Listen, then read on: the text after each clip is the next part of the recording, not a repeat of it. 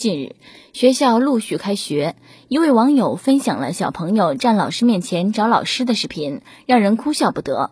小朋友开学后忘记老师长什么样子了，站在班级门口急得嚎啕大哭，结果站在他面前的就是他苦苦寻找的马老师。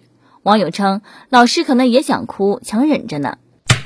咱们先来听一听当时这个小朋友是怎么找老师的吧。你找不到班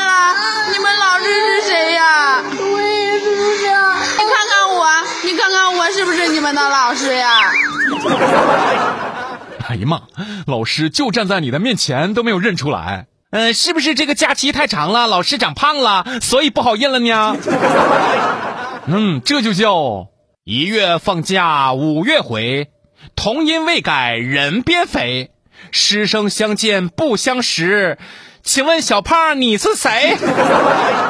老师说，呃，这大概就是世界上最遥远的距离吧。而小朋友心里可能想，我其实不想上学的，只能装不认识你好回家呀。其实我也干过类似的事儿。小学第一个假期出去玩，路过一户人家，哎，感觉这个人特别眼熟。他先叫我，我才反应过来，这是我们班主任。咱们这块儿的小学也复学了，宝贝，老师可以忘，寒假作业一定要记得带哦。